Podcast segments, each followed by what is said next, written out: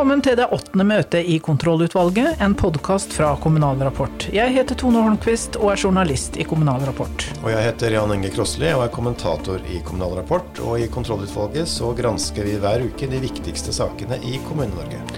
Først i dag får vi besøk av Arbeiderpartiets leder Jonas Gahr Støre, som letter på sløret om hva kommunene får i deres alternative statsbudsjett. Og Kommunal Rapport skal for 13. gang kåre årets kommuneprofil, og vår ansvarlige redaktør Britt Sofie Hestvik oppfordrer alle lesere og lyttere av podkasten til å foreslå sin kandidat. Blant kontrollutvalgets fire faste gjester innkaller vi i dag Magnhild Meltveit Kleppa. Den tidligere Senterparti-statsråden vil snakke om bredbånd i distriktene.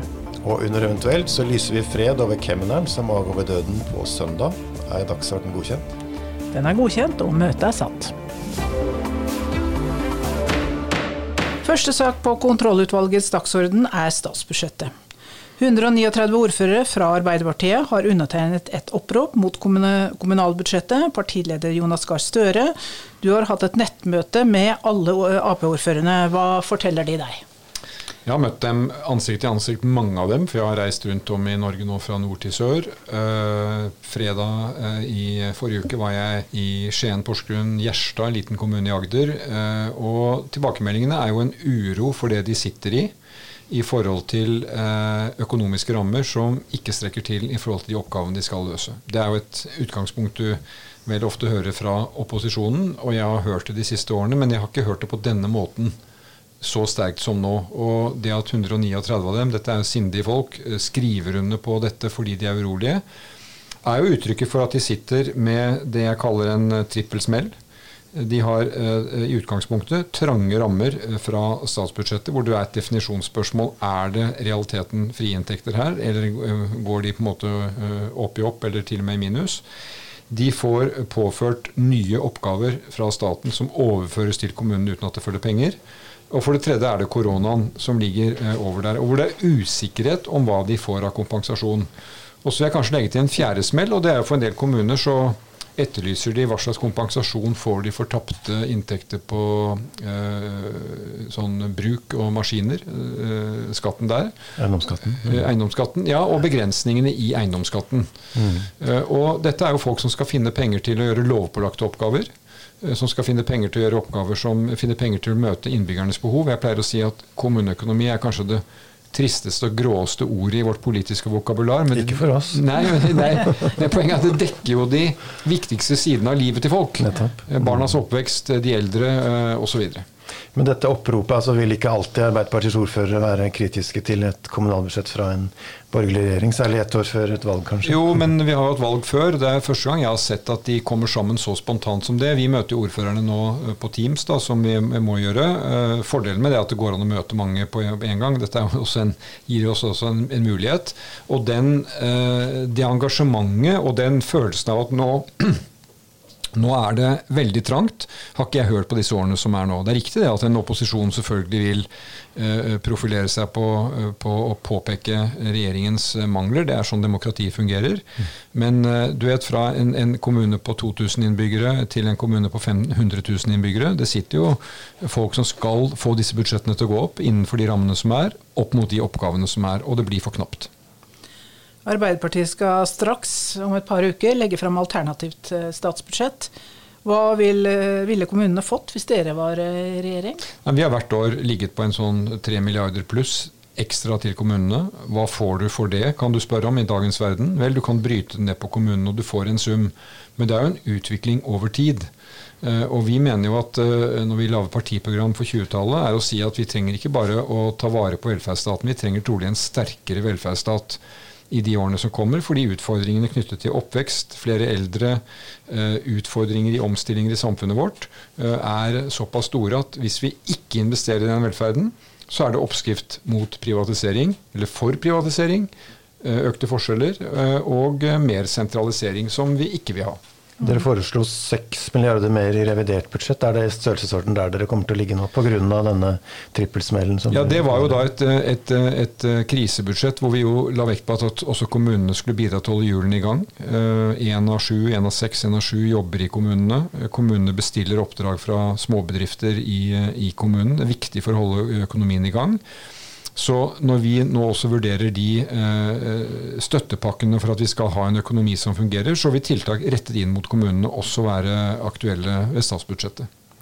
Kommer det andre særskilte forslag for kommunene i deres alternative budsjett, sånn som for ressurskrevende tjenester og den slags? Ja, det kan det eh, hende at det gjør. Det er, jo, det er, jo, eh, de store rammene som beskrives i et alternativt budsjett. Vi er jo ikke innom på, på alle poster i et sånt stort budsjettdokument. Så det er jo retningen eh, i forhold til hva som gir kommunene handlefrihet, som er, er det avgjørende her. Til slutt, Du nevnte i begynnelsen at kommunene, det er usikkert om kommunene har fått full kompensasjon for koronautgiftene sine. Nå, det var en arbeidsgruppe av KS og fem departementer som for et par uker siden la fram eh, ja, ble enige om at, at, det var kompensert fullt ut. Er, er Arbeiderpartiet uenig i, i, det? I hvert fall altså, i makro da, har de fått full kompensasjon? Ja, jeg tror det er for tidlig å si det, for det er, det, dette er ikke endelig, endelig vurdert. Og jeg, jeg, jeg, går jo ikke med dette med utgangspunkt i mistro til at de som sitter og regner på dette, gjør en, ikke gjør en eh, god jobb. Men det jeg hører ordførerne sier, er det at vi kan ikke sitte og regne på penger som vi antar at vi kan komme til å få, når kompensasjonen ikke er definert. Så de kan ikke begynne å bruke de pengene og planlegge for dem før det er avklart. Og de er urolige for det. Og så får de jo høre fra regjeringen at eh, ja, hvis dere, har, eh, hvis dere kommer til kort her sånn, så er det fordi dere har planlagt dårlig, dere har sløst. Eh, jeg er jo enig i at du kan ikke bokføre alle mulige gode ting og kalle det korona og få det kompensert, men det er ikke sånn de driver heller. Men her har vi altså stort ansvar lagt på kommunene. Smittevernloven gir kommunene veldig stort ansvar. Det er kommuner som har måttet gjøre ting her selv om de ikke har hatt smitte og plutselig får de smitte.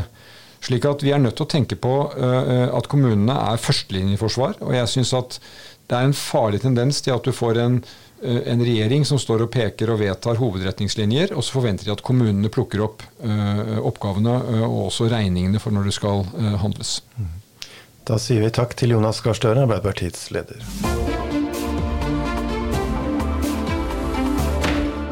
År på denne tida setter Kommunal Rapport i gang en kåring av årets kommuneprofil. For nye politikere og ledere i Kommune-Norge, hva er årets kommuneprofil? Ansvarlig redaktør Britt Sofie Hestvik. Årets kommuneprofil er Kommunal Rapport sin måte å sette søkelyset på dem som har utmerka seg i løpet av siste året, og gjerne av, i løpet av flere år også, selvfølgelig. Eh, det er mange som kan være til inspirasjon for andre, og dem vil vi gjerne løfte fram og fortelle historiene om. Og det får vi jo gjort med årets kommuneprofil. Og Første steg er at alle kan foreslå sin kandidat. Alle lesere alle lyttere av podkasten. Men hvem kan, eh, hvem kan, man foreslå? Hva må kandidatene ha gjort? Og her kan vi ta utgangspunkt i alle beslutningstakere i hele Kommune-Norge. Kriteriene sier at kandidaten må ha bidratt til å utvikle tjenestene, eh, lokaldemokratiet eller lokalsamfunnet. og Konkret så kan jo det arte seg på mange forskjellige vis. Men det kan være både politiske og administrative og, og bedriftsledere også? Absolutt, det kan det. I fjor var det jo ordfører Alfred Bjørlo som uh, fikk denne prisen som nasjonal talsperson for Distrikts-Norge. Kandidatene må ha utmerka seg spesielt i løpet av det siste året. 2020 eh, har vært et spesielt år. Hvordan vil uh, koronakrisa påvirke kåringen? Ja, dette året har vært virkelig spesielt. Eh, koronapandemien setter spor etter seg, og det er naturlig at den også vil prege årets kommuneprofil. Og det er flere beslutningstakere i Kommune-Norge som, som eh, kan vise til fantastisk innsats og gode resultater nå nettopp under pandemien. Tenk på kommuneleger. Tenk på eh, politikere midt i denne krisa. Samtidig så er vi selvfølgelig åpen for at det kan komme forslag på solide kandidater som utmerker seg på helt andre områder. Og forslag kan sendes inn fra i morgen til kommuneprofilen krøllalfa kommunal-rapport. Og når finalisten er valgt ut, så kan du stemme på din favoritt. Da takker vi ansvarlig redaktør Britt Sofie Hestvik. Til kontrollutvalget så veksler vi på å innkalle fire faste gjester. Magnhild Meltveit Kleppa, tidligere statsråd, stortingsrepresentant og fylkesmann skal representere den eldre garde, men i dag er du mest opptatt av distriktene og bredbånd i distriktene, som kuttes i statsbudsjettet, etter din mening? Ja, jeg er overrasket over at det er mindre penger til bredbåndutbygging i 2021 enn nå i 2020. Altså skoleelever, foreldre med hjemmekontor, eldre som må være mer hjemme fordi mye er stengt ned, bedrifter med store mangler. 2021 kunne virkelig vært året med et skikkelig løft. NHO i hjemfylket ditt, Rogaland, har undersøkt bredbåndsdekninga i fylket, og den er ikke så god? Nei, altså de går jo ut og, og gir klar beskjed at det er helt feil å kutte i støtta. De viser at dekninga er lavere for bedrifter enn for husstander. Altså For husstander så er det jo slik at det er ennå 4% i Stavanger og 6% i Sandnes. Og mange distriktskommuner som er nede i vel 50% dekning. Men når det gjelder bedrifter, så er det altså lavere. Det er 19% av bedriftene som hører til Sandnes kommune som ikke har uh, hurtig bredbånd. Og det er slik pluss-minus 50% i flere distriktskommuner. Det er for dårlig. Ja. Hvordan er det hos deg i Hjelmeland? Ja, Der ligger vi òg uh, rundt uh, 50. Og uh, et stort engasjement for å få bygd ut mer. Og Det er jo dette samarbeidet mellom stat og kommune og tilbydere som her er viktig, og som ikke minst er viktig å spille på nå når folk er mye mer oppmerksom på mm. hva hurtig bredbånd betyr. Regjeringa har jo fått Linda Hofstad Helleland, som er både distrikts- og digitaliseringsminister, men du syns ikke hun leverer godt nok? Altså, Jeg syns det er et stort ansvar det å kalle seg for distriktsminister. Da skal du levere. Da skal du følge spesielt med både på kommuneøkonomi, på rassikring for å sikre at folk kommer fram til skole og arbeid. Hvordan henger distrikts- og digitalisering sammen? Ja, Det henger jo i høyeste grad sammen, og det er jo nettopp det vi har fått uh, vist nå i, i 2020. Altså Nikolai Astrup han var jo den første digitaliseringsministeren, naturlig nok. Uh, så begynte han med byene. Nå er det altså et stort engasjement ute og da gjelder det å levere. Det har med, med hjemmekontor å gjøre. Det har med, med elevenes mulighet til likeverdige vilkår. Og det har ikke minst med det å sikre arbeid og sikre òg distriktsbedriftene. Nettopp. Eh, helt til slutt en litt annen sak, eh, Kleppa. Du har jo vært eh, fylkesmann, og nå er det blitt et nytt navn på dette embetet. Det skal altså komme et nytt navn som skal være kjønnsnøytralt. Og du ville ha guvernør, men nå er det statsforvalter det er blitt. Hva, hva syns du om det? Ja, det, det er jo ikke særlig spennende. Det er jo egentlig en kjedelig tittel.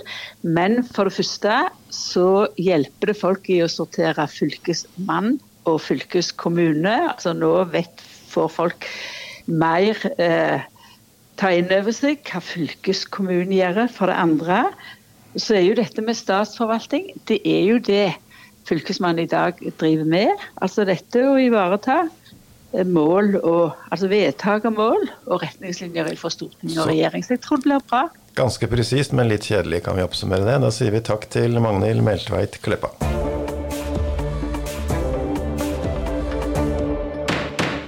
Hva har du til eventuelt i dag, Tone? Ja, det var eh, kemneren, da. Altså søndag så skjer det et eh, varslet mord.